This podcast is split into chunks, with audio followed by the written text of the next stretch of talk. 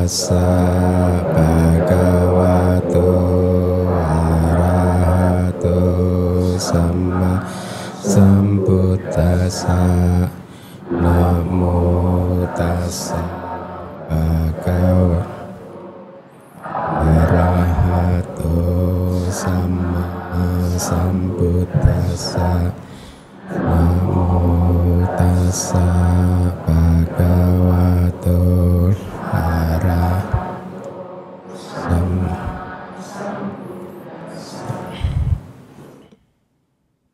Kita mulai uh, kelas kita malam hari ini sebenarnya adalah materi yang terakhir dari bab yang keempat ya tanpa kita ini ya tak terasa kita sudah selesai bab keempat berarti sudah empat per sembilan bab selesai Dan saya percaya bahwa Anda mendapatkan banyak kemajuan dalam artian kemajuan dalam hal kemampuan untuk mengelola kehidupan untuk menjadi lebih positif lagi. Jadi itu yang seharusnya memang seperti itu pengetahuan dharma bukanlah satu pengetahuan yang hanya untuk akrobat intelektual tetapi harus bisa membawa perubahan di uh, dalam uh, kehidupan kita untuk menjadi lebih makin positif. Uh, klasifikasi terakhir di bab keempat ini adalah uh, klasifikasi berdasarkan tingkatan alam, ya. Uh, sebenarnya kita belum mempelajari uh, alam kan ya, alam kehidupan di dalam samsara ini. Di bab berikutnya, di bab kelima nanti kita akan mempelajari uh, alam kehidupan ya. Uh, apa Kadang memang seperti ini di Abhidhamma Sanggaha ada materi-materi tertentu yang eh, apa yang belum dipelajari secara lengkap tetapi sudah disinggung di bab-bab awal atau bahkan materi tertentu yang harusnya dipelajari terlebih dahulu di bab-bab awal seperti misalnya rupa materi eh, fenomena materi ya kita kan belum mempelajari kan tubuh jasmani kita ya yang seharusnya itu lebih baik kalau dipelajari di bab-bab awal tetapi kan sampai hari ini kan Anda belum mempelajarinya ya. Memang seperti ini ciri dari Abhidhamma Tak Sanggaha tetapi apa pun seperti yang sudah berkali-kali saya sampaikan Abhidhamma Tak Sanggaha ini adalah kitab yang sangat dijunjung tinggi oleh anggota sangga oleh para pelajar Abhidhamma di negeri-negeri Buddhis ya karena dianggap sebagai kunci untuk membuka gudang Abhidhamma Pitaka ya. Jadi meskipun Anda belum mempelajari tentang alam kehidupan tetapi di bab ah, eh, bagian akhir di bab keempat ini kita akan mencoba untuk mempelajari jenis-jenis cita yang mana saja, kesadaran yang mana saja yang muncul di uh, witi cita proses kognitif makhluk yang hidup di alam-alam tertentu. Ya, jadi nanti Anda akan mulai melihat bahwa ada perbedaan antara uh, witi cita atau kesadaran yang aktif di dalam proses kognitif yang muncul di makhluk-makhluk di alam yang berbeda-beda seperti alam lingkup indriawi dan seterusnya ya. Nah, uh, mari kita lihat apa yang ada di Abhidhamata Sanggaha. Silahkan dibaca yang berwarna kuning. Selanjutnya di alam lingkup indriawi semua proses kesadaran ini diperoleh sesuai dengan yang semestinya. Iya, kemudian yang kedua. Dalam lingkup materi halus, semua diperoleh dengan menyediakan impuls antipati dan yang mempertahankan objek. Baik, jadi yang pertama tadi selanjutnya di alam lingkup indriawi itu artinya eh, ada 11 alam lingkup indriawi ya yaitu alam empat alam yang bawah apa ya kemudian alam manusia dan juga enam alam dewa. Jadi 11 alam lingkup indriawi. Semua proses kesadaran nantinya witi cita ini diperoleh sesuai dengan yang uh, semestinya. Artinya apakah nanti uh, itu uh, muncul di pintu mata telinga dan lain sebagainya ya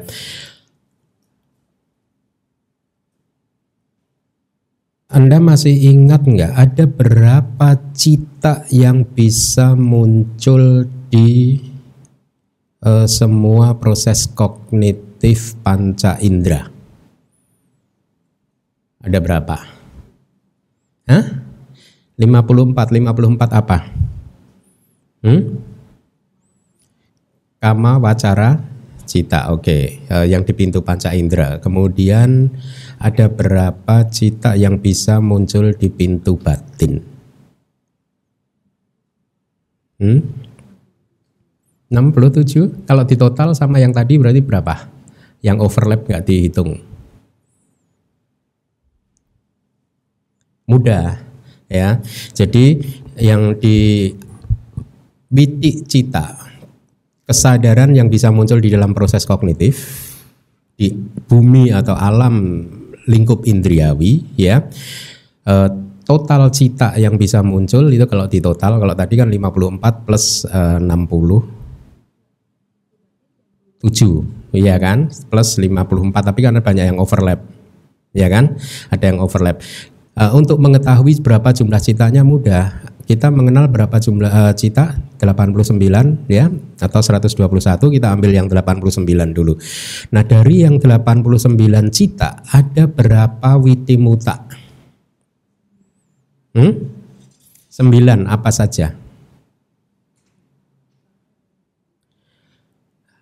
Uh, rupa wipaka 5 dan arupa wipaka. Kesadaran resultan materi halus 5 dan kesadaran resultan uh, non materi empat sembilan kesadaran ini disebut witik muta atau terbebas dari proses tidak termasuk di dalam proses kognitif.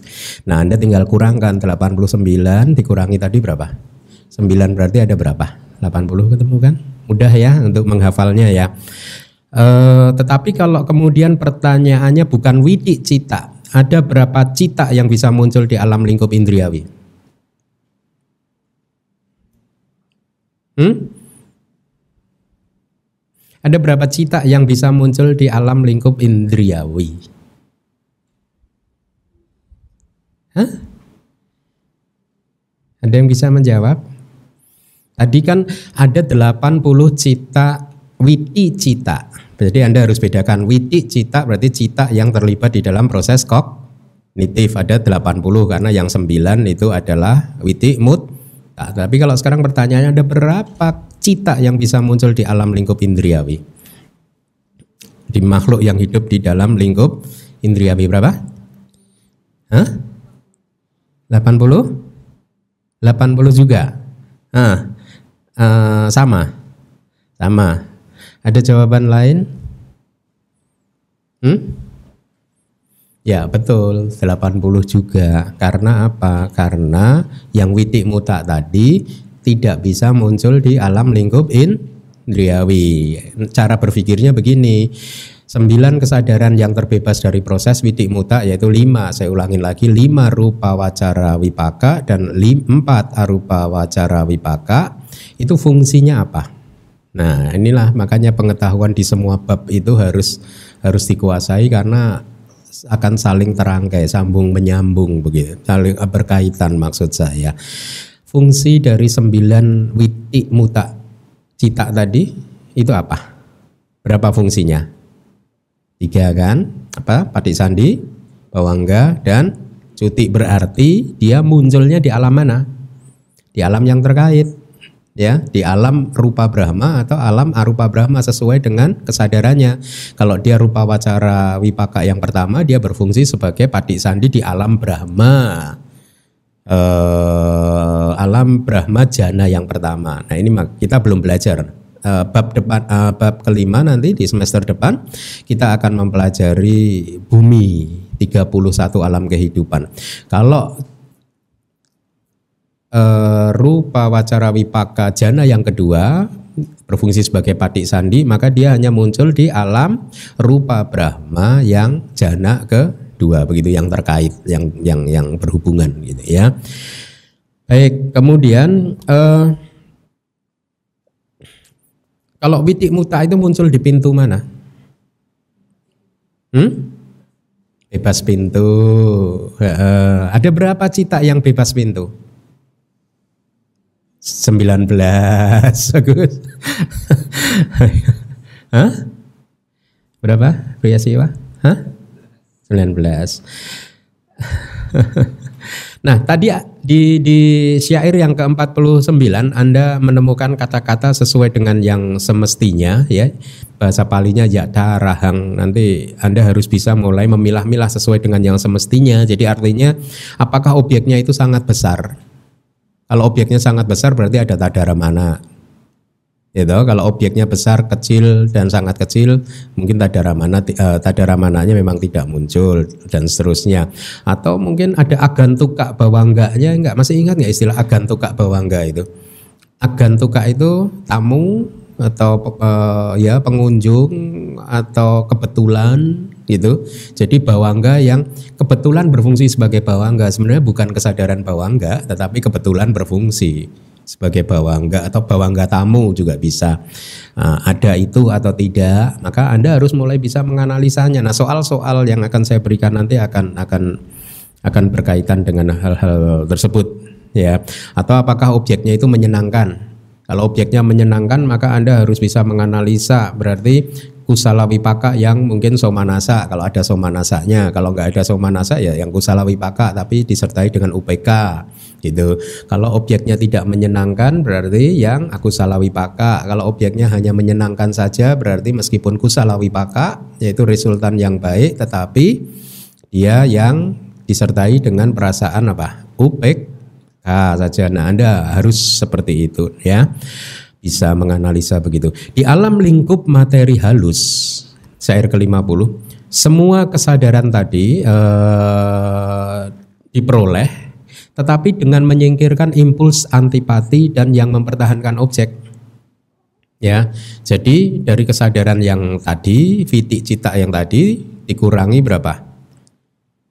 Eh, dua dan berapa? Mari kita hitung. Kenapa? uh, uh, pertanyaan saya sekarang, kenapa impuls antipati tidak muncul di alam Brahma materi halus? Dosa mula cita, kesadaran yang berakar pada kebencian, kenapa tidak muncul di alam Brahma materi halus? Hmm? Hmm? Bukan, Anda harus ingat eh, pada saat seseorang mencapai jana, terlahir di alam Brahma materi halus itu sebagai efek akibat dari pencapaian jana. Untuk bisa mencapai jana, seseorang harus bisa menekan apa yang disebut pancakni warana ya panca niwarana itu lima rintangan batin yang pertama adalah kama canda hasrat untuk menikmati objek panca indera itu harus berhasil ditekan. Seseorang yang berada di dalam jana sudah tidak ada lagi aktivitas panca indera karena hasrat untuk menikmati objek panca indera ini sudah tertekan, ya. Sebenarnya kama canda atau hasrat untuk menikmati panca indera ini diwakili oleh cetasika loba tetapi bukan loba secara keseluruhan, bukan keserakahan secara keseluruhan. Yang ditekan hanyalah keserakahan terhadap objek-objek panca indera, tetapi keserakahan untuk terlahir di alam Brahma materi halus, keserakahan untuk terlahir di Brahma arupa Brahma gitu ya, masih ada keserakahan yang lain masih ada. Jadi lobanya, loba cetasika belum berhasil dihentikan atau ditekan secara total ya. Kemudian pancani warna yang kedua adalah biaya pada kan, pikiran jahat kan, ya, pikiran tidak baik. Pada saat seseorang mencapai jana, biaya pada tertekan. Nah, biaya pada ini adalah cetasika dosa. Cetasika dosa yang berhasil ditekan oleh seseorang pada saat mencapai jana adalah cetasika dosa secara keseluruhan. Tidak parsial seperti loba tadi. Ya, inilah mengapa kalau seseorang itu berada di dalam jana dan biasanya setelah keluar dari dalam jana selama beberapa jam eh, dia terbebas dari kebencian kemarahan begitu. Karena eh, kemarahan atau dosa cetasikanya masih mengendap tertekan itu belum muncul lagi gitu. Jadi dosa ini tertekan secara total.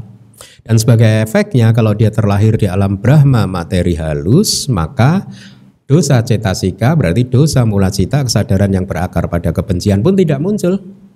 Tetapi memahaminya Anda harus bahwa ketidakmunculan dosa mula cita atau kesadaran yang berakar pada kebencian itu hanya sementara saja selama mereka hidup di alam Brahma tersebut ya makhluk Brahma selama dia sebagai Brahma hidup di sana bisa jadi untuk jangka waktu yang panjang sekali bisa sampai 500 kalpa, 500 kapa.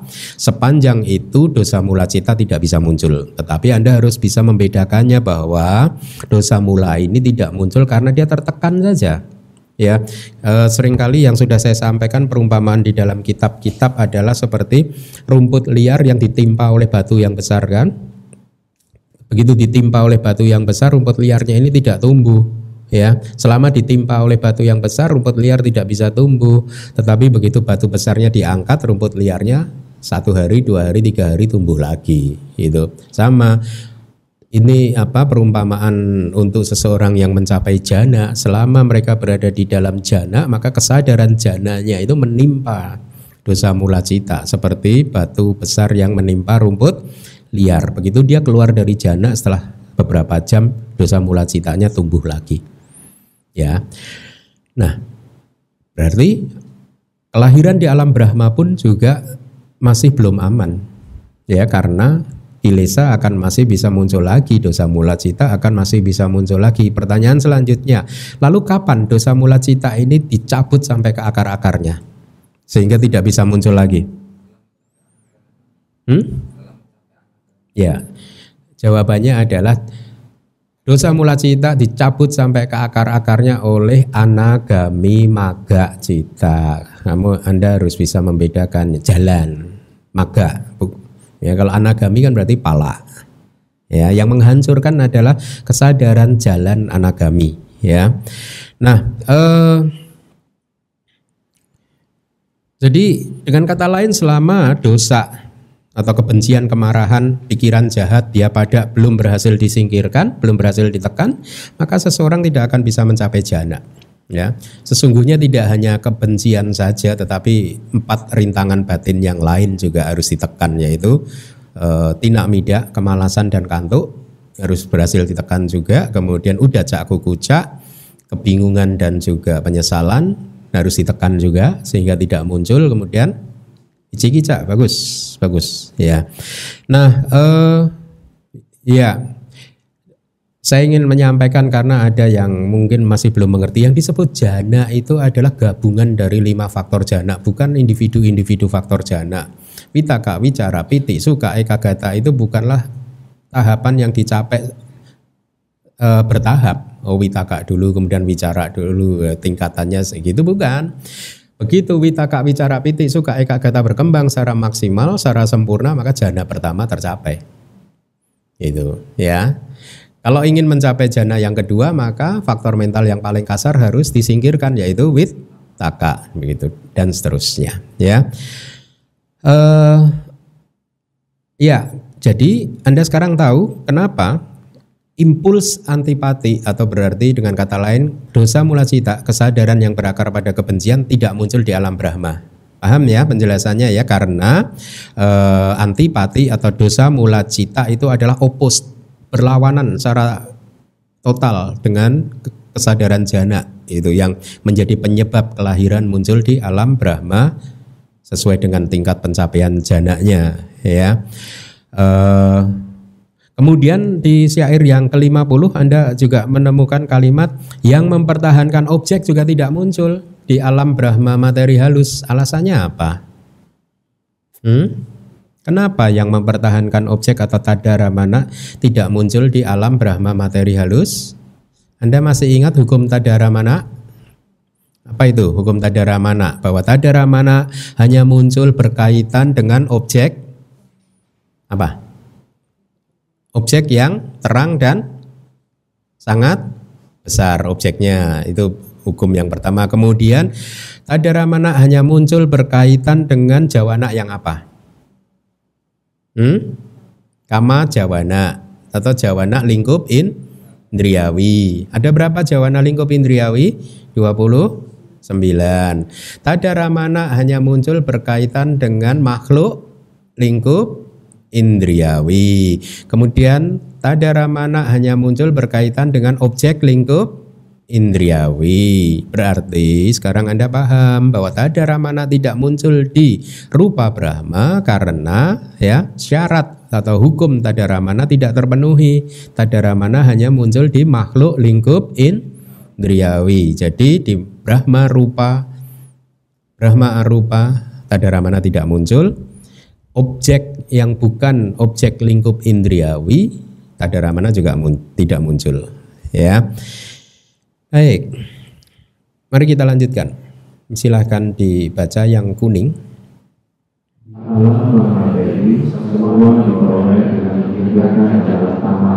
Kesadaran.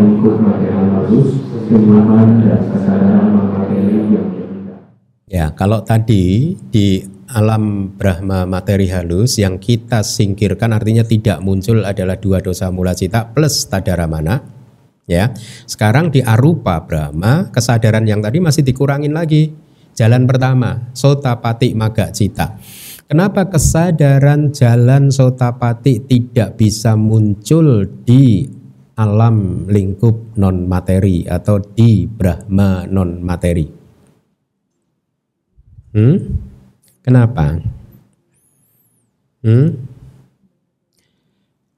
Anda masih ingat untuk bisa menjadi sotapana, untuk bisa memunculkan sotapati maga cita, kesadaran jalan sotapati, kalau Anda ingin tercerahkan di tingkat pencerahan yang pertama, pengarungan arus, ya, Anda harus mendengarkan apa yang disebut dalam bahasa palinya parato gosa. Gosa itu suara, parato itu dari orang lain atau atau suara orang lain gitu, suara dari orang lain bahasa palinya atau suara orang lain sama saja. Artinya untuk bisa menjadi seorang sotapana Anda membutuhkan telinga. Siapa pun membutuhkan telinga untuk mendengar suara dari orang lain. Artinya instruksi dari guru untuk bermeditasi. Oh begini loh, Anda bermeditasi dengan anapanasati terlebih dahulu. Setelah konsentrasi Anda stabil, kemudian Anda mengamati ini, mengamati itu, mengamati itu, dan setelah sukses dalam latihan vipassana Anda, mungkin Anda kemudian mencapai sotapati maga cita. Jadi sotapati maga cita itu uh, hanya uh, apa uh, untuk bisa menjadi seorang sotapana dia membutuhkan uh, seseorang membutuhkan telinga. Padahal di alam brahma mate, non materi terdapat materi atau tidak? Tidak. Kenapa? Karena memang tidak ada materi berarti tidak ada telinga di sana ya. Dan uh, anda masih ingat nggak? Kesadaran sotapati maga itu bergantung pada apa? Landasan anda masih ingat nggak pelajaran di bab keberapa itu? Bab ketiga ada beberapa kesadaran yang selalu bergantung pada landasan hati, landasan, landasan hati. Ya kan? Salah satunya adalah sota pati mak gak cita. Jadi dia harus selalu bergantung pada materi, membutuhkan materi gitu ya. Uh, Kemudian uh, di syair yang ke-51 selain sotapati maga cita yang tidak bisa muncul Anda lihat juga bahwa kesadaran lingkup materi halus juga tidak muncul di arupa Brahma. Kenapa? Kenapa kesadaran lingkup materi halus tidak muncul di arupa Brahma? Karena Brahma, Brahma di mana pun, di alam tingkatan alam mana pun, tidak berlatih jana yang di bawahnya Ya. Jadi arupa Brahma tidak berlatih jana materi halus.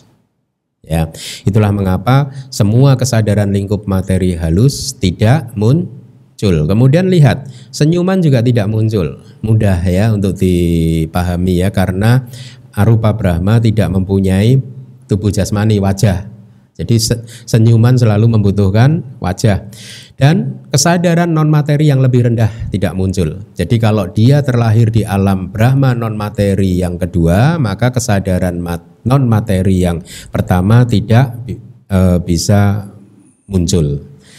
Penjelasan dari Wibawinitika, mari kita lihat semua proses kesadaran ini diperoleh tadi ada di syair yang uh, sebelumnya semua proses kesadaran ini diperoleh dengan semestinya ya yang sudah saya jelaskan dengan semestinya itu bergantung tergantung objeknya itu sangat menyenangkan, menyenangkan atau tidak menyenangkan muncul di pintu mana dan seterusnya ya. Penjelasannya adalah karena enam pintu dan semua jenis individu ditemukan di alam lingkup indriawi. Ya, jadi di alam lingkup indriawi ini ada berapa individu? 12, semua 12 individu ada di alam lingkup indriawi ini. Ya, ditemukan.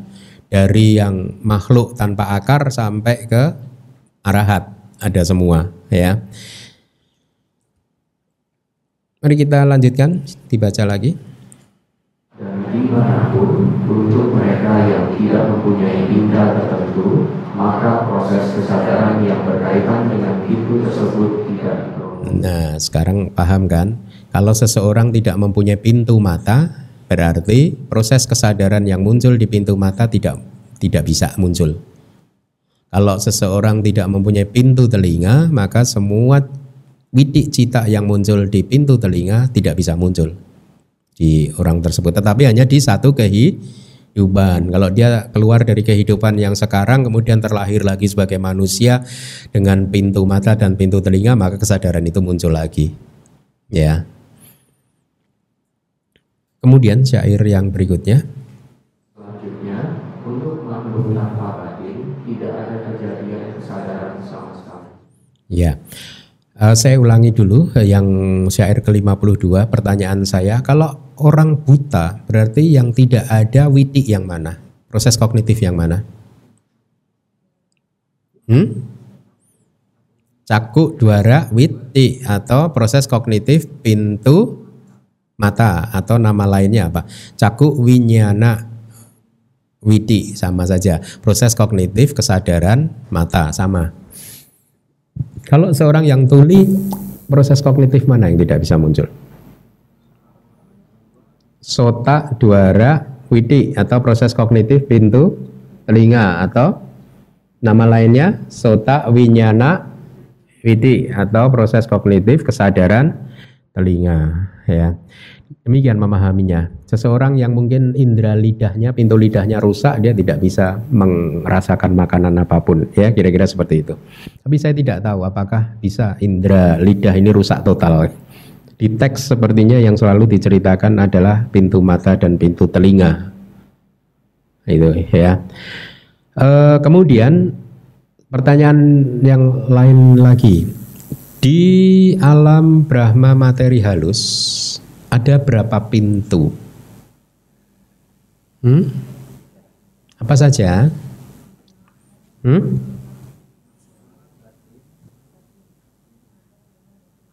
Mata, telinga, batin. Kalau teks syair Pali itu di bab keberapa ya? Bab ketiga ya? Hah?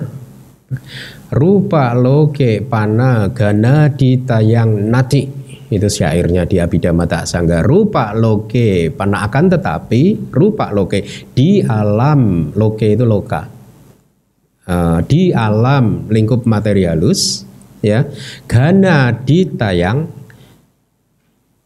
tiga uh, pintu atau tiga landasan yang dimulai dengan gana yang dimulai dengan hidung nati tidak ada jadi di alam Brahma materi halus tiga pintu atau tiga landasan sama saja yang dimulai dengan hidung tidak ada.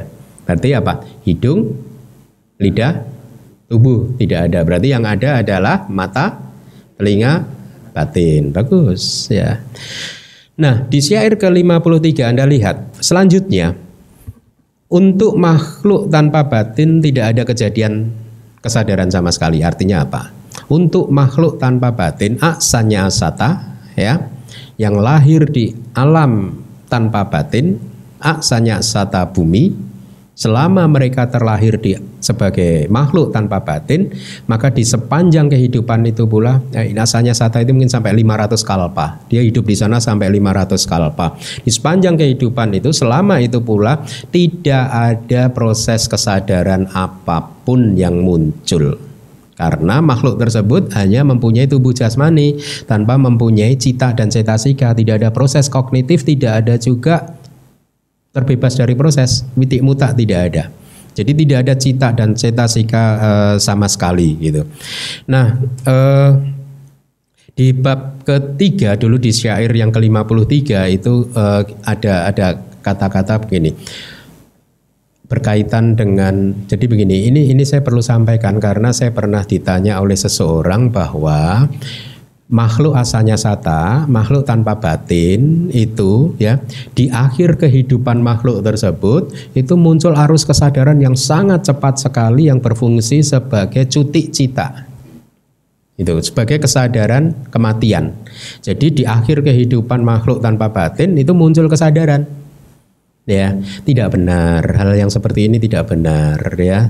Sudah uh, apa uh, di berbagai sumber itu tegas dikatakan bahwa makhluk namanya saja makhluk asalnya sata tanpa batin gitu ya. Jadi sepanjang kehidupan itu tidak ada cita-cita sika apa pun yang muncul bahkan termasuk cuti cita ya. Jadi di bab ketiga dulu kan ada syair yang kira-kira kalau di bahasa Indonesia kan adalah begini kemunculan patik sandicita, kesadaran penyambung kelahiran kembali, dia mengambil objek yang biasanya diambil di proses kognitif menjelang kematian melalui salah satu dari enam pintu kira-kira seperti itu itu ya.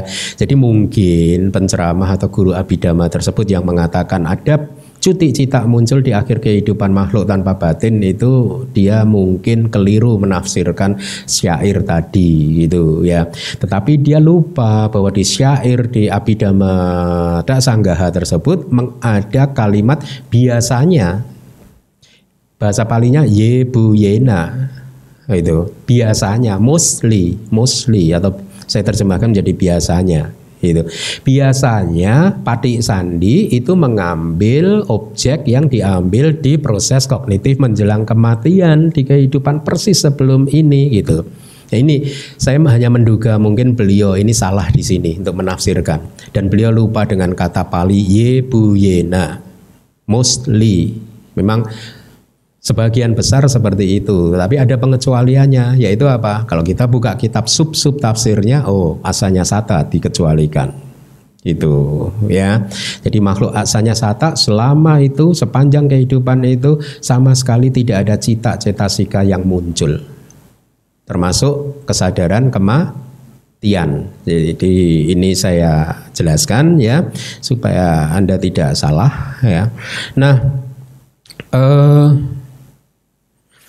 Lalu kemudian Anda mungkin berpikir kalau tidak ada cuti cita, tidak ada proses kesadaran sama sekali di sepanjang kehidupannya sebagai makhluk tanpa batin, kemudian patik sandinya bagaimana?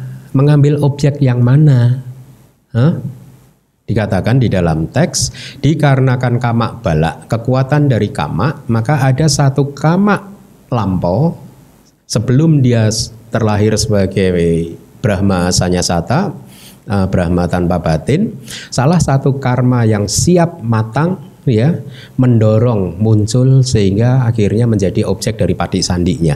Yang dikatakan di dalam Dhammasanggani ada kata kitab komentar Dhammasanggani itu sangat panjang dan sangat jelas bahwa pada saat makhluk sanya sata tanpa batin habis masa kehidupannya selama 500 kalpa dia habis masa kehidupannya kan tubuhnya tiba-tiba lenyap ya.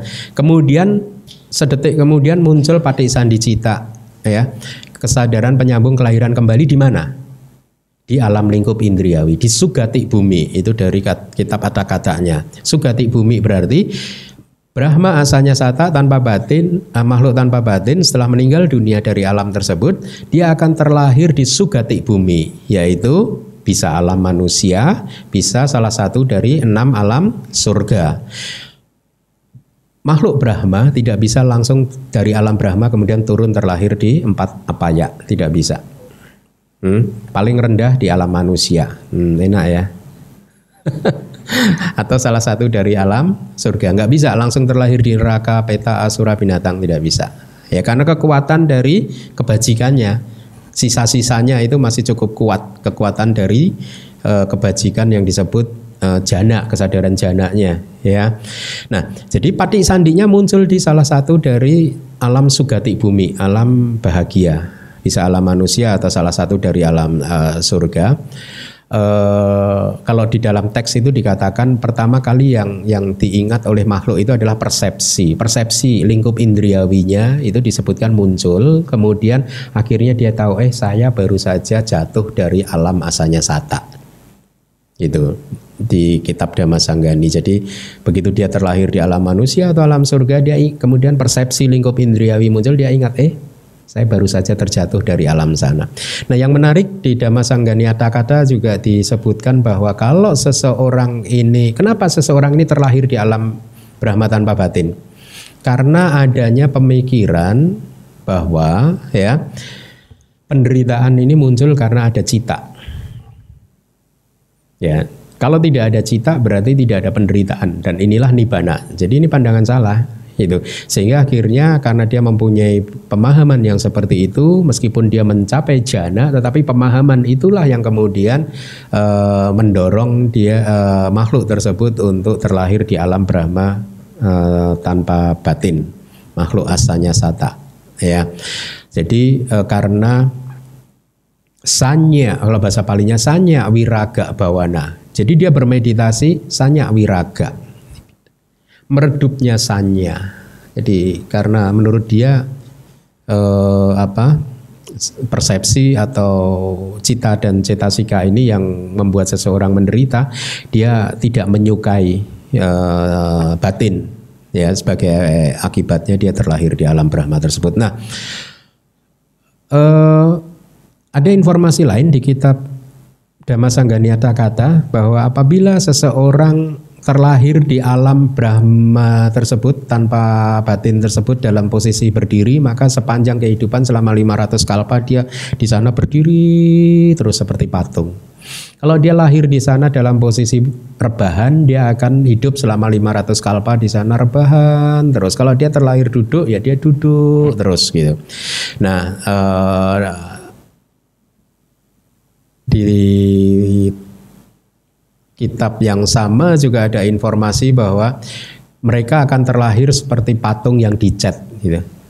Ya, sumber yang lain bahkan mengatakan seperti patung yang berwarna keemasan. Dulu waktu kami belajar di Myanmar ada salah satu ini maaf ini maaf bukan apa-apa tapi ini kejadiannya beneran.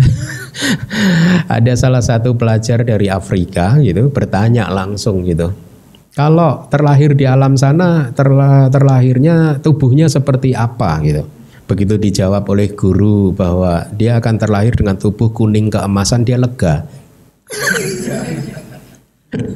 oh ya.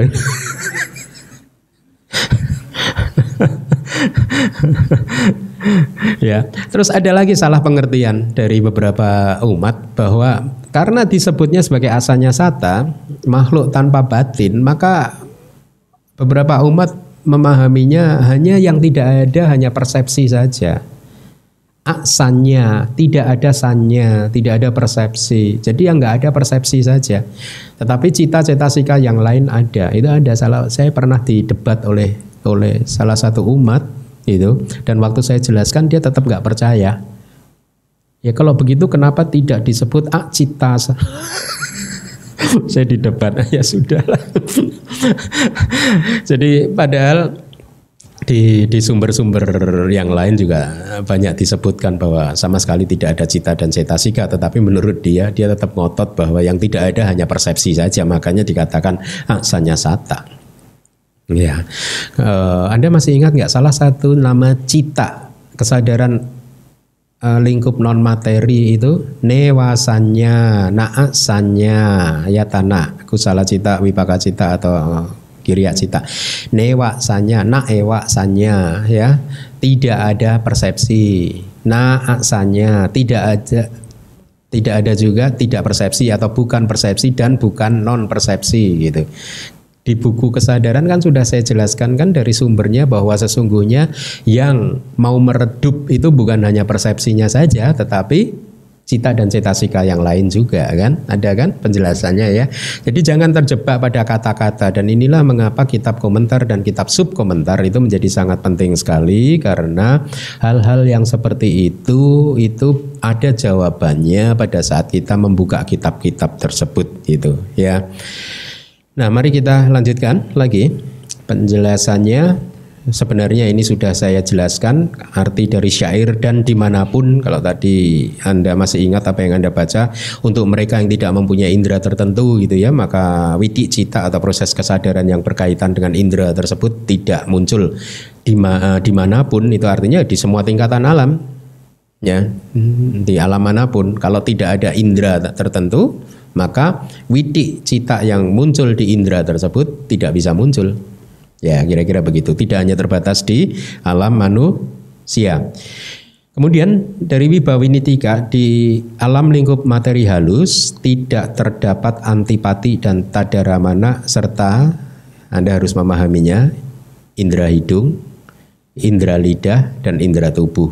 Ya, artinya apa? Proses kognitif pintu hidung, pintu lidah dan pintu tubuh juga tidak muncul. Jadi Anda memahaminya seperti itu. Silakan dibaca lagi. Sesuai dengan semestinya, di alam lingkup indriawi diperoleh 80 proses kesadaran. Di alam lingkup materi halus 64, di alam lingkup non materi 42. Jadi ini Anda hafalkan 80, 64, 42 gitu ya. Dalam hal ini inilah klasifikasi berdasarkan tingkatan alam. Mari kita lihat penjelasannya. Di eksistensi lingkup indriawi atau alam lingkup indriawi diperoleh 80 proses kesadaran, 80 witik cita, kecuali yang terbebas dari proses. Tadi sudah saya sebutkan, uh, jelaskan ya, yang tidak ada hanyalah witik mut, tak ada 9 witik muta kan? Jadi 89 kurangi 9, mudah ya. Kemudian di eksistensi lingkup materi halus diperoleh 64 cita. Coba mari kita analisa 64 cita itu mana saja? Kita analisa dari chart yang sudah kita pelajari di bab 1. Yang pertama, loba mula cita 8 itu muncul enggak? Muncul, ya. Dosa mula cita muncul tidak? Tidak. Moha mula cita muncul enggak? Muncul berarti 8 ditambah 2 ada 10. Kemudian dari 18 ahituka cita yang muncul yang mana? di, di rupa Brahma. Kita kan mengenal 18 kesadaran tanpa akar. Dari 18 ada berapa yang bisa muncul di alam lingkup materi halus? Mudah. Tadi apa? Uh, rupa loke panagana ditayang nati di alam lingkup indria. Akan tetapi di alam lingkup indriawi ada tiga landasan yang dimulai dengan hidung tidak ada. Berarti hidung lidah tubuh. Berarti ada berapa kesadaran? 6 12 kurang eh, 18 kurangi 6 12 berarti di ahituka cita ada? Hmm? Hasitu pada di alam materi halus Hmm? Materi halus. Yang tidak ada itu begini begini. Jadi paham mungkin anda keliru memahaminya begini. Yang tidak ada itu landasan lidah. Bukan berarti dia tidak punya mulut untuk senyum. nah kalau kalau nggak punya mulut kan ya Brahmanya jelek kok.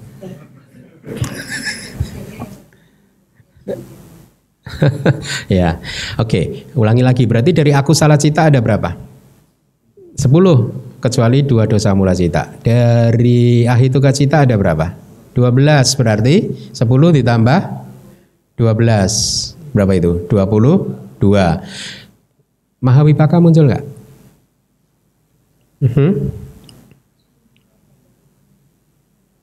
Hmm? Mahawi Mahawipaka? Enggak kan? Mahakusala?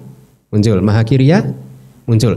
Jadi dari 24 kama sobana, dari 24 kesadaran indah lingkup indriawi yang tidak muncul maha wipaka. Kenapa? Karena dia fungsinya sebagai tadaramana saja. Berarti dari 24 hanya muncul 16. Berarti berarti berapa tadi? 22 tambah 16 berarti 38. Dari 15 rupa wacara cita berapa yang muncul? Hmm? 10 yang tidak muncul apa? Rupa wacara wipaka kenapa tidak muncul? Karena witi muta bagus ya. Berarti 48 ya, benar ya? Benar ya, 48 ya. Oke, 48. Dari arupa cita berapa yang tidak muncul? Empat arupa wipaka. Kenapa tidak muncul? Karena witi muta ya dan juga munculnya juga di alam arupa gitu ya. Berarti empat tiga delapan atau empat delapan tadi? Empat delapan ditambah delapan lima puluh enam. Terus apa lagi? Hmm? Lokutara delapan muncul Hah? Semua ya, Pak Kusasih muncul ya. Berarti hmm? 64 ya. Nah, bagus. Paham ya? Kita ulangi lagi, kita ulangi lagi. Anda sambil mengikuti pelan-pelan biar Anda paham. Pertanyaannya adalah, berapa widik cita yang muncul di Brahma materi halus? 64 kan? Mana saja? Kita analisa dari atas. Loba mula cita muncul. Dosa mula cita tidak muncul. Moha mula cita muncul 10. Dari 18 ahituka cita 6 yaitu kesadaran hidung, lidah dan tubuh dikurangi, tidak muncul. Berarti 12. 12 tambah 10. 22. Dari 24 kama sobana 8 tidak muncul, hanya 16. Berarti eh, kan yang maha wipaka tidak muncul kan? Kenapa? Karena tadaramana Brahma tidak muncul tadaramananya gitu ya. Berarti berapa tadi? 22 tambah 16 30 38 kan? Ya, 38 ditambah rupa wacara kusala dan rupa wacara kiria. 10, 48 ditambah arupa kusala dan arupa kiria. Berarti 56. 56 ditambah 8 lokutara cita 64 dapat bagus. Pertanyaan yang lain. Kalau tadi kan witi cita yang muncul di rupa Brahma. Ada berapa kesadaran yang bisa muncul di alam materi halus? Hmm? Hmm, 64 tadi ditambah 5 rupa wi paka berarti berapa? 69. Eh, udah Peter kan? Ya, kalau ini ini nanti Anda bisa pelajari karena ini dari kitab Wibawi ini sebenarnya sama nanti hasilnya. Di eksistensi lingkup materi halus diperoleh 64 witi cita, dua yang memalingkan dan seterusnya. Lebih mudah cara yang tadi karena kita hitung dari awal. Dari loba mula, dosa mula gitu ya, lebih mudah itu. Sama. Oke, sekarang di eksistensi lingkup non materi atau di alam lingkup non materi diperoleh 42 witi cita Ya. Coba dihitung. 42 witik cita itu yang mana saja? Loba mula cita muncul tidak? Muncul. Dosa mula cita muncul tidak? Tidak. Moha mula? Hah? Muncul berarti 10. Kemudian 10 dari ahituka cita ada 18. Berapa yang bisa muncul?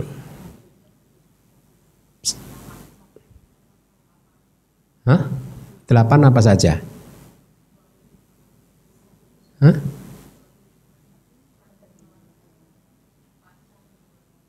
Ah. Pancadwara Wajana. Hah? Dari 18 saya ulangin pertanyaannya. Dari 18 kesadaran tanpa akar ya, ada berapa kesadaran yang bisa muncul di arupa Brahma, arupa bumi? Hmm? 6, 8, 4, Eh, eh, kayak apa? Lelang-lelang.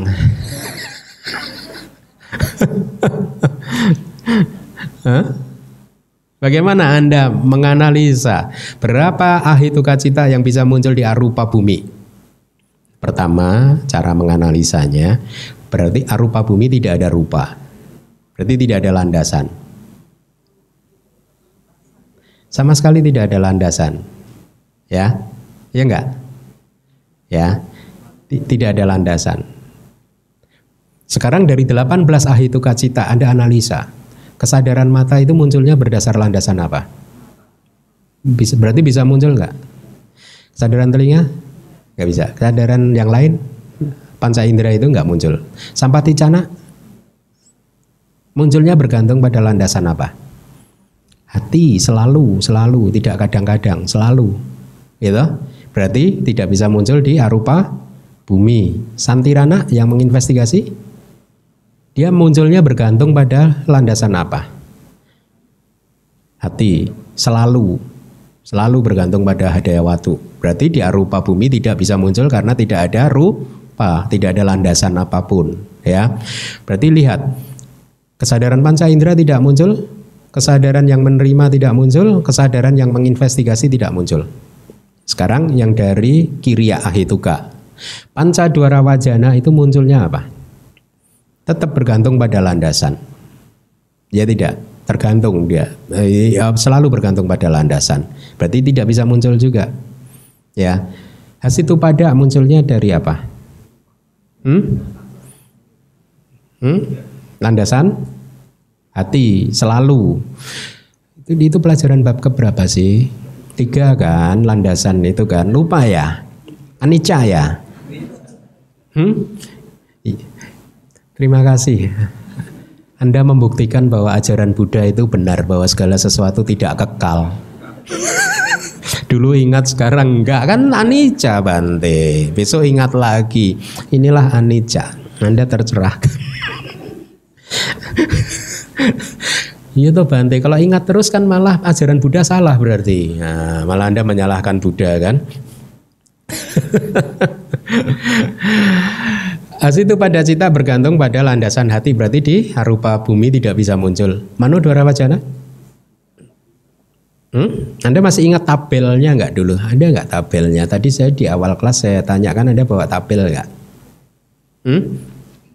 Di tabel tentang landasan, kalau Anda masih ingat, itu ada cita tertentu yang selalu muncul berdasarkan landasan hati dan ada 42 cita yang muncul berdasar, bergantung pada landasan hati kadang-kadang.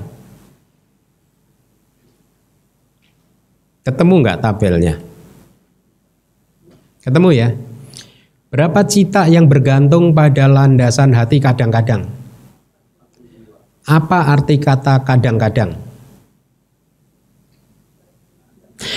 Kalau cita tadi yang 42 itu muncul di alam kehidupan di mana terdapat materi, maka dia bergantung pada landasan hati. Tetapi kalau cita yang jumlahnya 42 itu muncul di alam di mana tidak ada materi, maka kemunculan dia tidak bergantung pada materi apa pun. Itu artinya, ya. Nah, dari 42 cita tadi ada berapa ahituka cita? Satu yaitu bagus, manu dwara wajana ya. Nah, sekarang pertanyaan yang lain. Jangan lihat tabel. Apa saja 42 yang kadang-kadang muncul? Berdasarkan landasan. Ayo. Dianalisa dari atas lagi. Loba mula cita muncul tidak? Kadang-kadang. Hmm? Muncul ya. Dosa mula cita? Kenapa? Hmm? Enggak, yang maksudnya yang kadang-kadang. Hmm? Kenapa? Karena selalu bergantung pada landasan, tidak bisa tanpa landasan. Dosa mula cita, loba mula cita bisa muncul tanpa landasan di alam arupa, tapi dosa mula cita nggak bisa, harus bergantung pada landasan. Moha mula cita Kadang-kadang bisa ya. Terus yang tadi manu dwara wajana ya. Manodwara Wacana. Terus Mahakusala bisa. Mahawipaka kenapa? Mahawipaka kenapa tidak bisa muncul? Karena dia selalu bergantung pada landasan hati. Ya, Mahawipaka eh Mahagiriya ya, nah, sorry. Mahagiriya bisa kan kadang muncul di arupa Brahma kan? Ya. Kemudian rupa kusala Hah? Nah, pertanyaannya, rupa kusala bisa muncul tanpa landasan nggak? Nggak bisa, harus dengan landasan. Berarti tadi udah dihitung dulu, ntar 8 tambah 2, 10 tambah 1, 11, kemudian tambah 16, 11 tambah 16, 20, 7, kemudian mana lagi? Ditambah 8. Hah?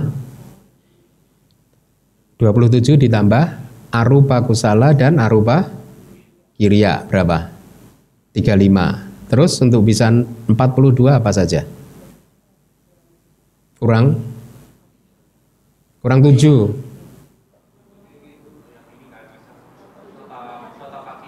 Ah. Nah, bagus. Ya. Tujuh lokotara cita, tujuh kesadaran adi duniawi kecuali sotapati maga cita ketemu 42 kan nah mudah kan ya oke okay. uh, eh, kalau dari Wibawi ini rinciannya seperti itu tapi sama saja hasilnya yang 42 26 impuls kecil itu apa saja sih? 10 aku salah cita 8 mahaku salah 8 mahakiriya sama kan? Ya dan seterusnya sama sih sebenarnya ya. Uh, ini dari Wibawini lagi 47 witik cita atau proses kesadaran tidak ditemukan di alam lingkup atau alam non materi ya non bumi non materi yaitu uh, sebenarnya mudah sih. Kalau Anda sudah ketemu yang 42 kan berarti yang tidak ada di 42 itulah 47 ini. Jadi uh, tidak perlu saya jelaskan ya. Mari kita lanjutkan lagi. Demikianlah kejadian di kesadaran di enam pintu, disela oleh faktor kehidupan sesuai dengan keadaan, berlangsung terus tanpa putus di sepanjang kehidupan. Uh, di syair ini ada perubahan berbeda dengan apa yang sudah saya bagikan. Kata disela, ya karena untung tadi saya cek gitu. Uh, saya rubah menjadi disela yang syair ke-55 itu beda. Ya. Hmm. Jadi dengan demikian berakhir bab keempat dari Api Damata Sanggaha yang dinamakan ikhtisar proses kognitif ya. Di sana disebutkan bahwa widik cita itu mengalir deras tanpa putus di sepanjang kehidupan selama berada di samsara. Hanya diputus pada saat apa saja. Hanya terputus pada saat apa saja. Widik cita itu berhenti pada saat apa saja? Hmm? Terlahir sebagai makhluk tanpa batin. Niroda sama pati.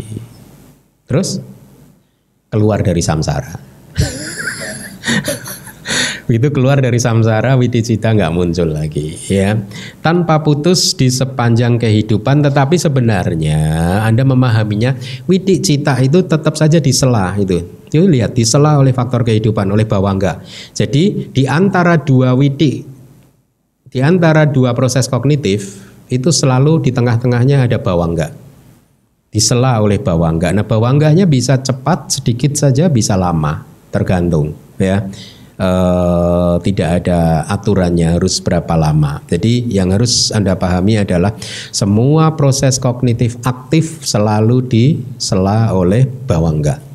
Jadi misalkan pintu mata muncul selesai bawangga. Kemudian pintu batin satu selesai bawangga. Pintu batin kedua selesai bawangga. Pintu batin ketiga selesai bawangga. Pintu batin keempat selesai bawangga. Terus mungkin Anda melihat mendengar, proses mendengar selesai bawangga. Proses pintu batin menangkap objek suara tadi yang sudah lampau selesai bawangga selalu begitu aktif pasif aktif pasif aktif pasif makanya bawangga disebut sebagai buffer juga antara dua proses kognitif. Penyangga antara dua proses uh, kognitif ya. Jadi dengan demikian uh, selesai mari kita lihat penjelasan dari Wibawi ini. Sesuai dengan keadaan tadi di syair Abhidhamma Sangga artinya sesuai apakah muncul di pintu ini atau pintu itu pintu mata telinga dan seterusnya atau sesuai dengan kemunculannya di alam-alam kehidupan tertentu berlangsung terus tanpa putus di sepanjang kehidupan. Selama tidak disela oleh pencapaian penghentian yaitu niroda sama pati maka arus kesadaran berlangsung tanpa putus mengalir seperti arus sungai yang deras. Ya inilah mengapa Anda membutuhkan guru karena kalau Anda hanya membaca seperti ini bisa salah tafsir lagi ya. E, mengalir seperti arus sungai e, yang deras berarti hanya disela oleh pencapaian penghentian loh. Yang asalnya satanya mana? Ya makanya kalau kita hati-hati e, maka kalimat ini hanya merujuk pada makhluk yang e, terlahir di alam lingkup indriawi tapi sebenarnya arus itu juga disela seperti yang tadi dikatakan e, pada saat dia terlahir sebagai makhluk tanpa batin ya. Arus kesadaran memang e, mengalir terus tanpa putus ya. Tetapi witik citanya terputus tidak. Terputus. Diputus oleh Hah? Disela oleh bawangga. Bawangga itu masuk dalam witik cita tidak? Tidak ya. Jadi pemahamannya arus kesadaran memang mengalir terus tanpa putus, tetapi widik cita disela oleh bawangga begitu. Ini saya sampaikan sebenarnya kita tidak ada ini di Abhidhamma Tak Sanggaha ya. Jadi kira-kira seperti ini. Pada saat kesadaran penyambung kelahiran kembali muncul, begitu dia lenyap biasanya akan diikuti oleh 15 atau 16 faktor kehidupan bawangga. Tap tap tap selama 15 atau 16 gitu ya. Setelah ke-15 atau ke-16 kemudian muncullah proses kognitif di pintu batin yang berkaitan dengan nafsu terhadap kehidupan. Jadi lihat kemelekatan kita, pelekatan kita terhadap kehidupan itu bahkan muncul boleh dikatakan di momen-momen awal di kelahiran kita. Setelah Padi Sandi muncul 15 bawangga atau 16 bawangga kemudian muncul Mano Dwarawiti proses kognitif pintu batin ya uh, yang berkaitan dengan kemelekatan kita, pelekatan kita terhadap kehidupan. Kita masih melekati kehidupan ini ya. Oleh karena itu, mano dwara witi tersebut jawananya apa? Loba mula cita. Jadi jawana pertama yang muncul itu loba mula cita. Ya, langsung melekat. Setelah selesai faktor kehidupan, kemudian muncul proses kognitif yang lain lagi, selesai faktor kehidupan, kemudian muncul proses kognitif yang lain, titik-titik-titik, terus sampai munculnya kesadaran kematian. Jadi demikianlah kira-kira proses uh, kesadaran di dalam satu kehidupan. Dengan demikian maka selesailah bab keempat, tetapi sesungguhnya kita masih mempunyai beberapa materi lagi yang akan saya sampaikan kepada Anda yaitu proses kognitif menjelang kematian dan juga proses kognitif parinibbana yang muncul di pada saat seseorang e, mau keluar dari samsara ya. Di kelas yang berikutnya kita akan membahas itu. Baik terima kasih. Dami Bante uh, saya yang Pati Sandi untuk terlahir sebagai makhluk asalnya sata itu bagaimana? Pati Sandi untuk terlahir sebagai makhluk asalnya sata. Pati Sandinya jiwita nawaka kelapa. Pati Sandinya makhluk anak asalnya sata itu bukan cita, bukan kesadaran. Namanya jiwita nawaka kelapa. Coba saya terjemahkan. Kelapa adalah kelompok materi jiwita nawaka. Kelompok materi yang memiliki sembilan nawa. Nawa itu sembilan, nawaka itu adjektif. Jiwita nawaka. Saya spell. J I V I T A jiwita. Nawaka N A V A K A. Kalapa K A L A P A terjemahkan dari belakang berarti kelapa atau kelompok kelapa itu kelap kelompok materi yang terdiri dari nawa sembilan sembilan fenomena materi sembilan rupa ya, yang diakhiri oleh jiwita. Artinya sembil, terdiri dari sembilan fenomena materi yang terakhir itu jiwita. Ya, jiwita itu apa? Indra kehidupan. Berarti yang delapan apa? Patawi, apo, tejo, wayo, elemen tanah, air, api, dan angin. Kemudian yang kelima adalah warna, warna, ganda, bau, rasa, objek untuk lidah rasa, oja, itu sari makanan. Ya, jadi dialah yang berfungsi sebagai pati sandi. Makanya tidak disebut pati sandi cita. Materi. Sepertinya Anda akan belajar, tapi di bab ke-6 mungkin ini. Baik, sekarang giliran Anda yang stres. Eh, terus ininya kapan? Anda ini trik nih. Ini saya biar nggak ada ini nih. nggak apa-apa, nggak apa-apa. Cuk, cuk, cuk. Iya, nggak apa-apa.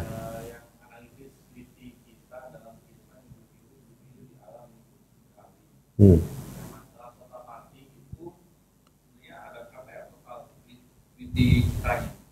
Sotapati. Jadi gini, analisa witi cita kan di dalam individu-individu dalam lingkup indriawi Ha-ha. itu kan ada yang sotapati, pala dan sakadagami pa, eh, sagaram pagami tanpa jana. Ya itu kan eh, totalnya berapa sih witi citanya yang saya mau tanyain? Untuk sotapana. Ya khusus sotapati ya. Iya, di, jadi untuk seorang sotapana. ya Berapa witi citanya? Ya. Kalau dia manusia ya berarti dikurangi eh, empat didik gadak sampayuta dan wicikija. Terus sama kesadaran jalan dan buah yang lebih tinggi. Ya, Totalnya lima. berapa? Hah? ya totalnya berapa? Wid, wid, widik cita kan? Widik cita kan? Berarti tinggal dikurangi 80 tadi kan? Iya. Tadi udah ketemu 80 ya. Iya. 80 widik cita tadi dikurangi 4 didik gata sampayuta berarti Ya. 76. 6, Dikurangi wicikica cita 1 75, 75 dikurangi jalan dan buah yang lebih tinggi. Berapa? 6. 6 kan? 75 dikurangi 6, 69. 69. Enggak di catatan Bante ini 41. Yang, yang kemarin. 41. Nah, Mungkin bukan widik cita. Hmm? tanpa jana. Kalau tanpa jana tadi 69, ya kan? Dikurangi lagi berarti 5544, 10 dan 18. 18. 69 dikurangi 18 berapa? 41. Hah? 41. 41 ya? Ya. Enggak dong. Eh, 51. Ya, 51. 41. 41. Enggak, Iya. dibilang 41 kan 69 dikurang 18 kan 41. Di situ tertulis 41. ya sama. Enggak, masanya kemarin di YouTube saya lihat Bante ngomong 40. Oh ya. Iya, Oh, berarti kurang satu. tanya aja gitu. Oke, oke, oke, oke. Yang benar tabel. Iya. Asik. Ayo tanya lagi biar nggak dibagi soalnya.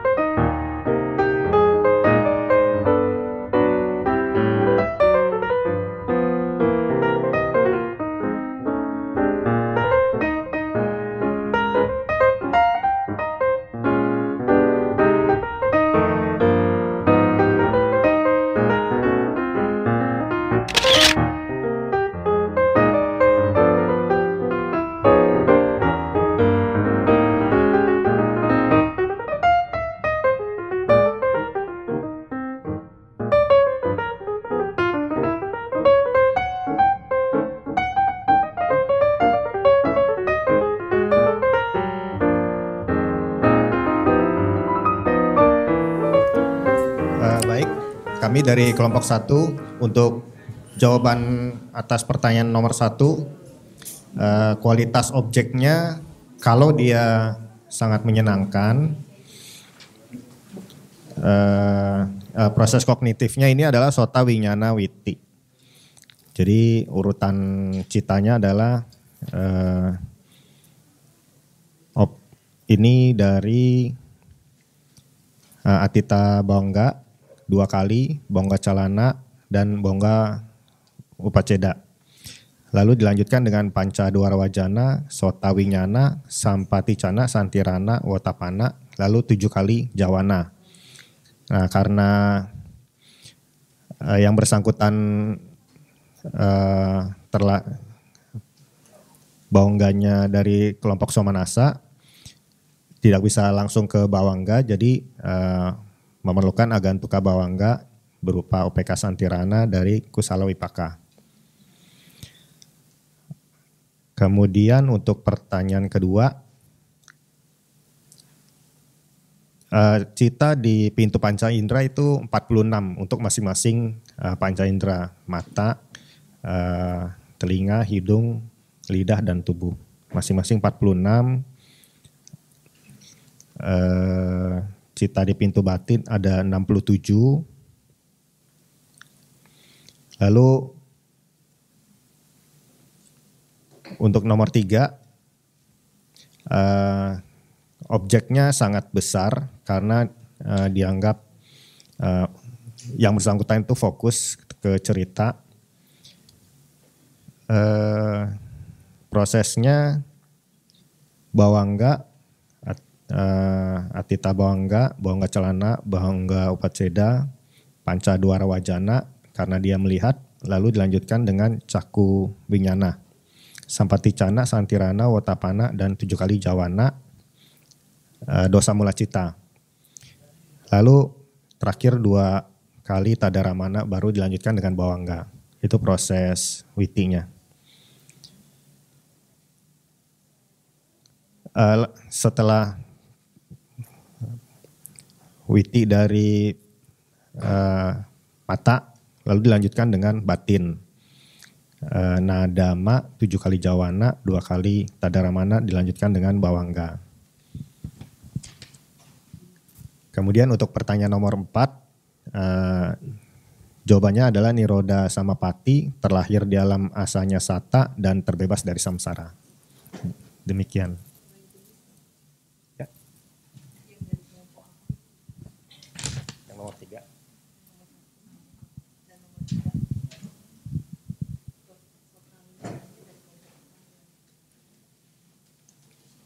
Sota wina, winyananya dari kelompok Kusala Wipaka.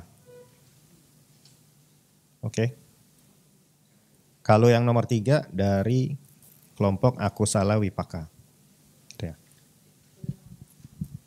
Oke. Terima kasih.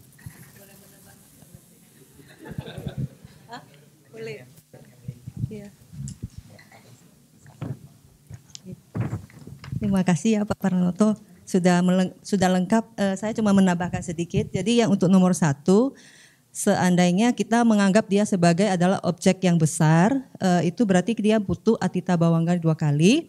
Kemudian ad- eh, kemudian bawangga calana dan kemudian bawangga upaceda baru masuk ke proses kognitif yang aktif yaitu panca dorawacana dan karena dia adalah sota winyana witi maka dilanjutkan eh, setelah lenyap dilanjut muncul sota winyana dari kelompok kusala wipaka karena ini adalah eh, mendengarkan dhamma dianggap sebagai eh, objek yang baik gitu.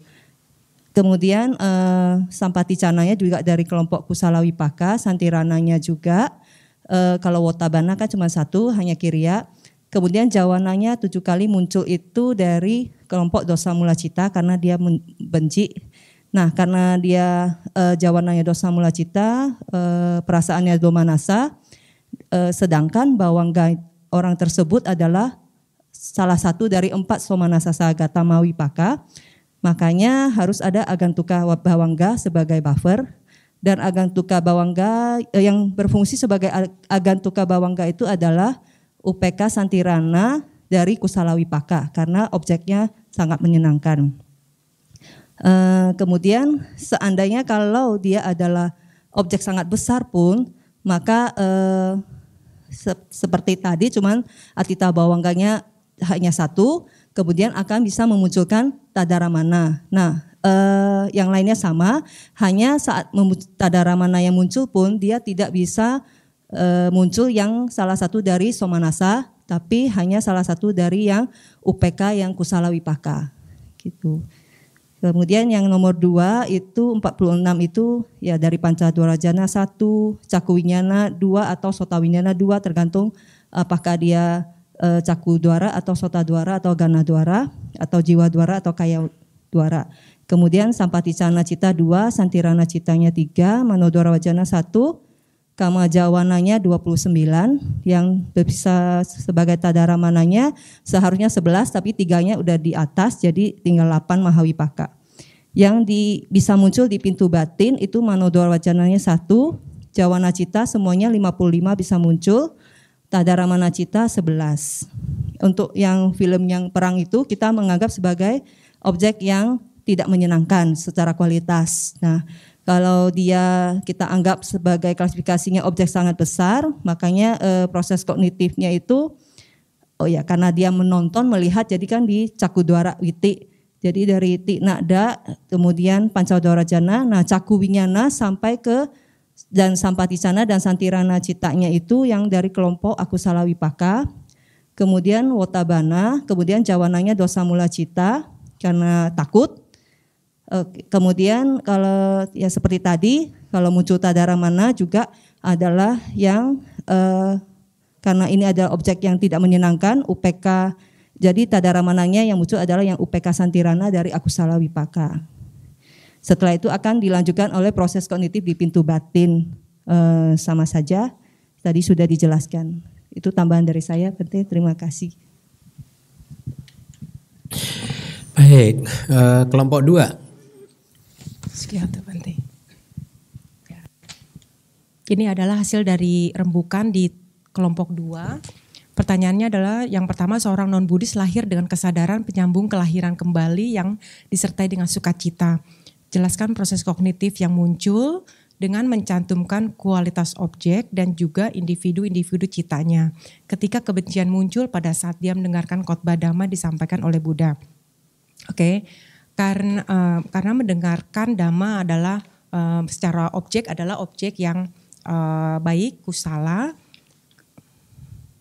Dan karena dia eh, mendengar berarti yang pertama adalah kesadaran telinga eh, mendengar dengan objek yang sangat besar, maka dimulai dari mohon maaf karena ini bercampur bahasa Indonesia dan bahasa Pali. Dari bawangga, bawangga lampau, ba- bawangga bergetar, bawangga terputus, kemudian awajana yang mengarahkan ke pintu, kemudian eh, ke pintu telinga, sotawinyana, kemudian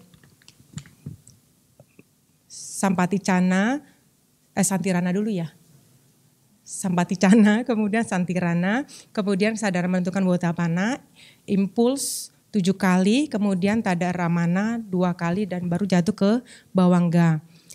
Jadi objeknya ini adalah objek sangat besar dan kesadaran telinga sotawinyana dan objeknya berda- karena mendengarkan ah, adalah cara dhamma maka berupa kusala wipaka. Kemudian dilanjutkan oleh eh, apa namanya? proses kognitif di pintu batin. Jadi setelah telinga dilanjutkan dengan proses kognitif di pintu batin yaitu eh, atita bawangga, bawangga calana, bawangga eh, upaceda, manodwara manodwara wajana, kemudian jawana tujuh kali, kemudian eh, karena dia tidak dia tidak muncul kebencian maka jawananya eh, jawananya adalah dosa mula cita.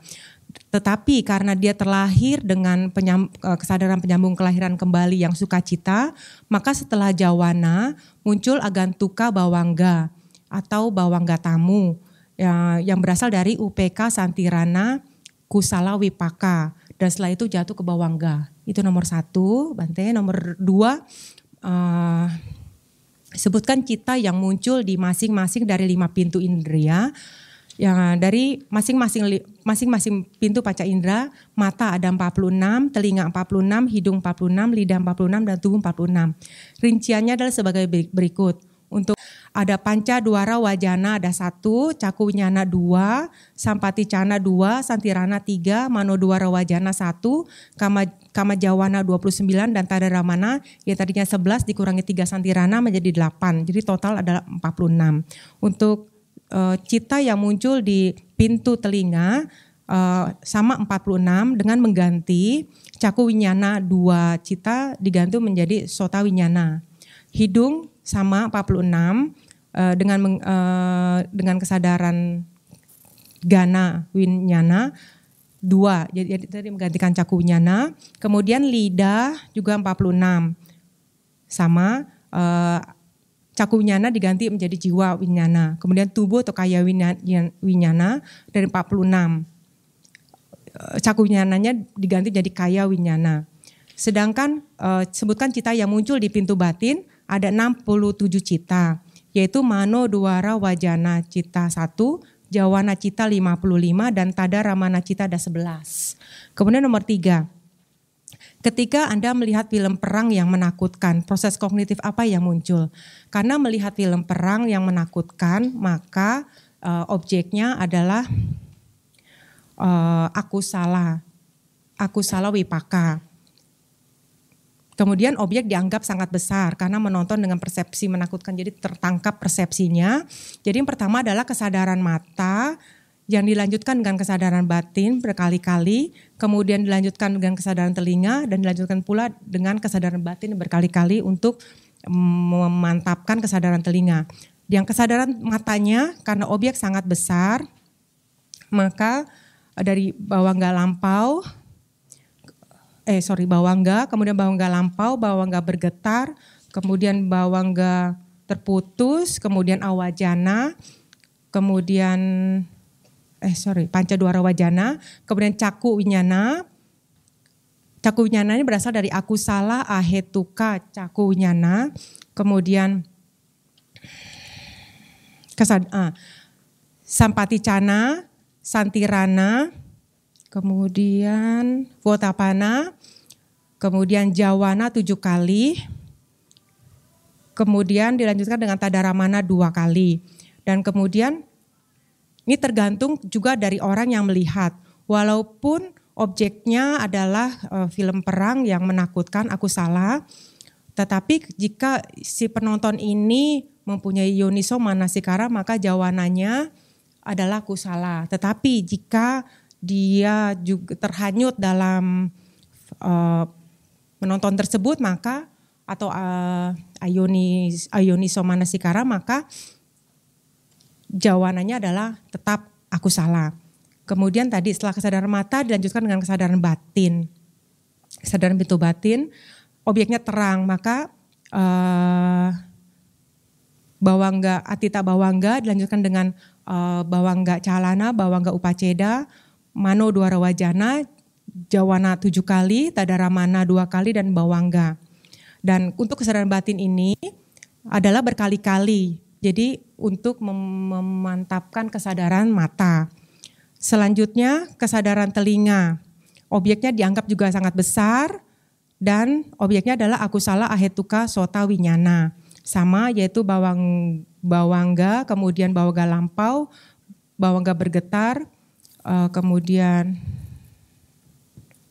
bawangga terputus, kemudian pancaduara wajana, kemudian sotawinyana, kemudian uh, sampati cana, santirana, santirana, kemudian wotapana, wana tujuh kali, dan kemudian diakhiri dengan tadaramana dua kali karena objeknya sangat besar. Uh, karena objeknya ini termasuk objek yang tidak baik, aku salah, tapi tergantung pula dari uh, yang mendengar ini. Apabila orang tersebut yoniso manasikara, maka jawabannya tet tetap uh, akan aku tetap ku salah. Akan tetapi jika dia terhanyut, maka jawabannya adalah aku salah. Kesadaran telinga dilanjutkan dengan kesadaran batin berkali-kali.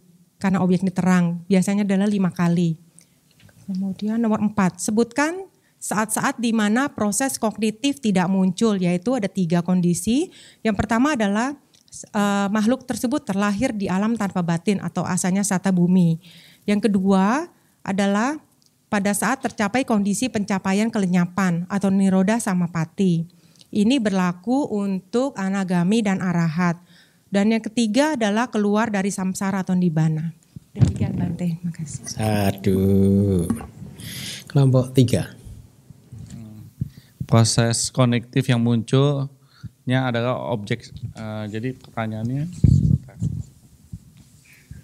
jadi uh, proses kognitif yang muncul dari seorang non Buddhis yang lahir dengan kesadaran penyambungan kembali disertai dengan sukacita adalah proses kognitif yang muncul sangat besar. Jadi dia uh,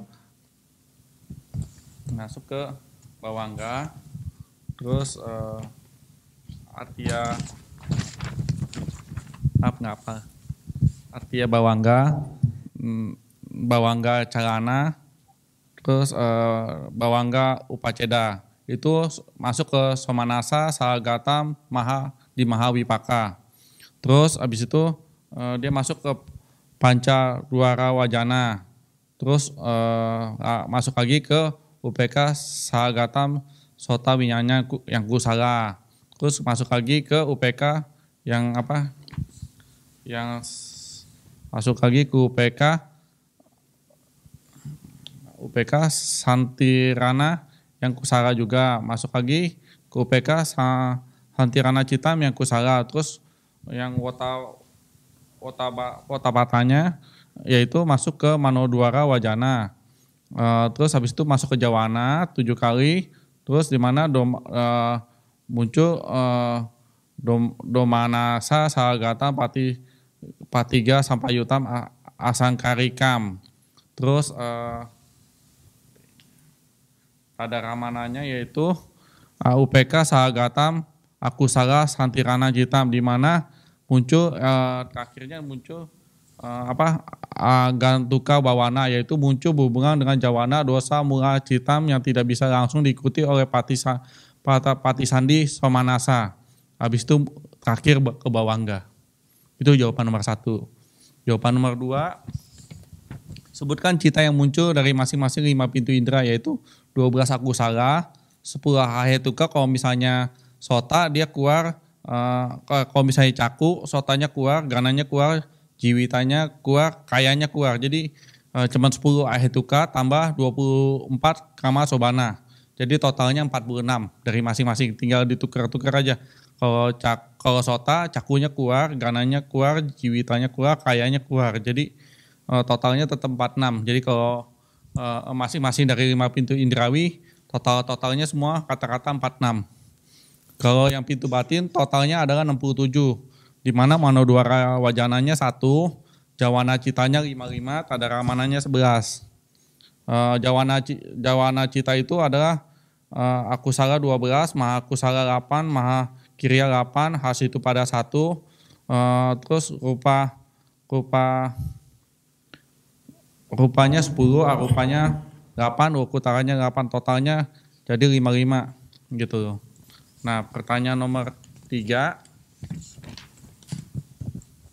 tiga adalah eh, kita ketika melihat film yang menakutkan proses kognitif yang muncul apa gitu loh yaitu uh, proses yang kognitif yang uh, dimulai dari bawangga yaitu bawangga uh, terus Atia Bawangga Lampau, Atia Bawangga Calana, Bawangga Upaceda, Panca Dwara Wajana. Panca Wajananya di sini adalah uh, karena dia pakai mata, jadi dia uh, nantinya ke cak ke caku winyanya, kesadaran mata.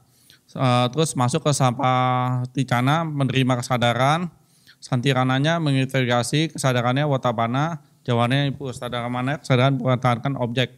Jadi pada saat dia menerima kesadarannya di mana dia e, karena filmnya adalah yang menakutkan adalah aku salah yang dosa dosa dosa mula cita. Karena karena ketakutan itu uh, itunya adalah aku salah doman uh, domanasa. Gitu. Jadi apa kesadaran mitigasi juga domanasa.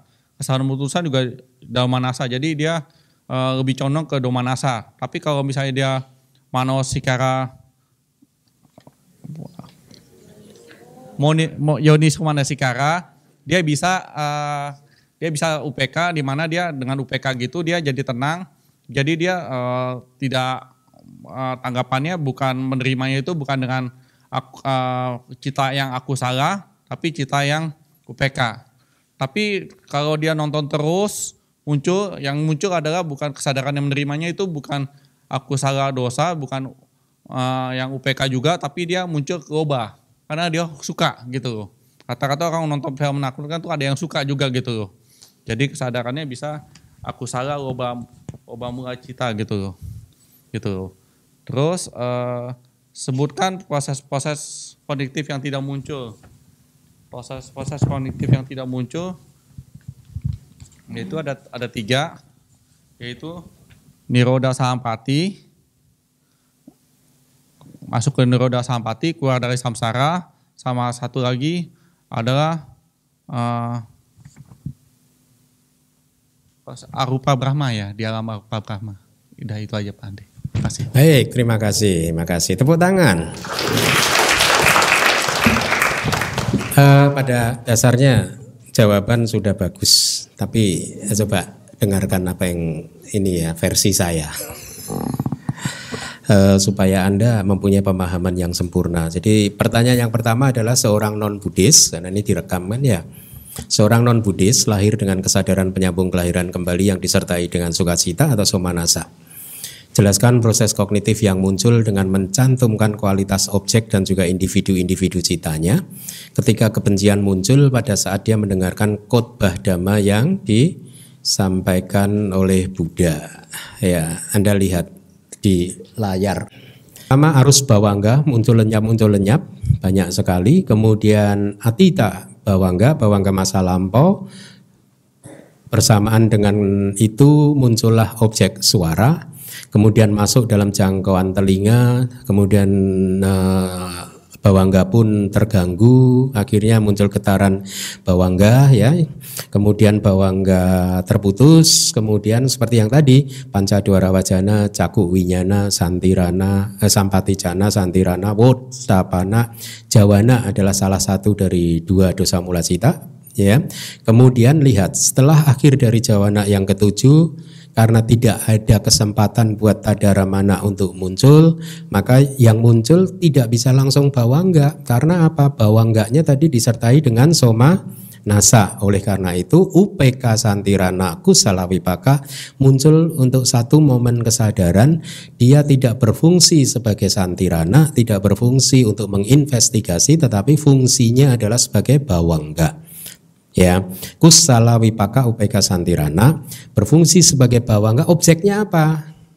Objeknya bukan suara Buddha tadi. Objeknya adalah objek lingkup indriawi yang dia familiar yang sering muncul di dalam kehidupan kali ini di dalam kehidupan itu juga bukan dari objek kehidupan yang lampau gitu ya.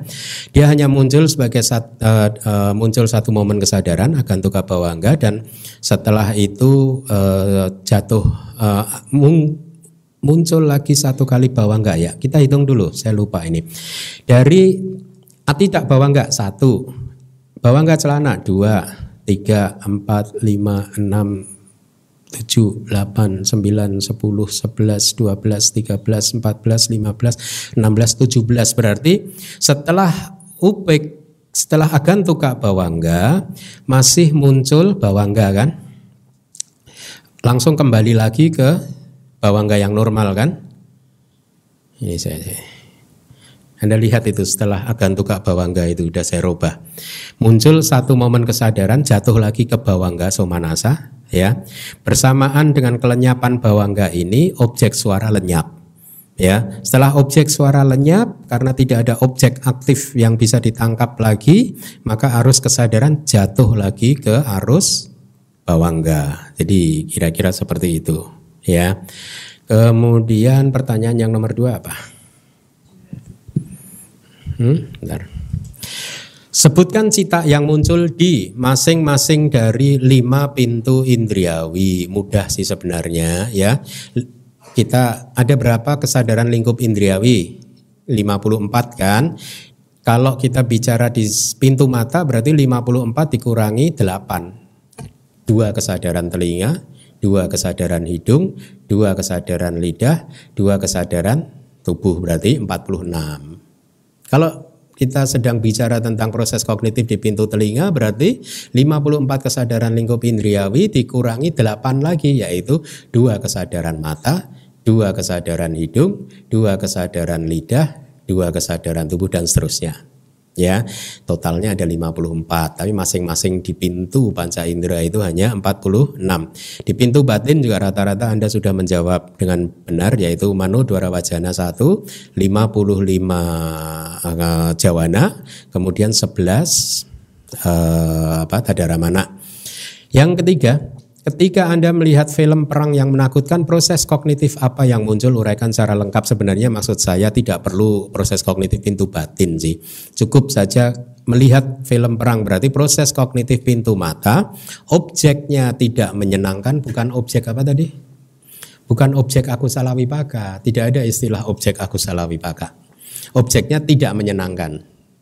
Kan ada tiga objek. Ita, atita, ati ita ya men, uh, ita ati ita anita. Menyenangkan sangat menyenangkan tidak menyenangkan. Jadi objeknya tidak menyenangkan karena perang yang menakutkan. Proses kognitifnya yang muncul apa di pintu mata saja yang kita bahas ya. Berarti uh, seperti tadi bawangganya langsung pancadwara wajana uh, kemudian cakup winyananya yang aku salah wipaka, sampati canaknya yang aku salah wipaka, santirananya yang aku salah wipaka, wotapanaknya satu kesadaran saja, tidak ada pilihan. Kemudian jawana.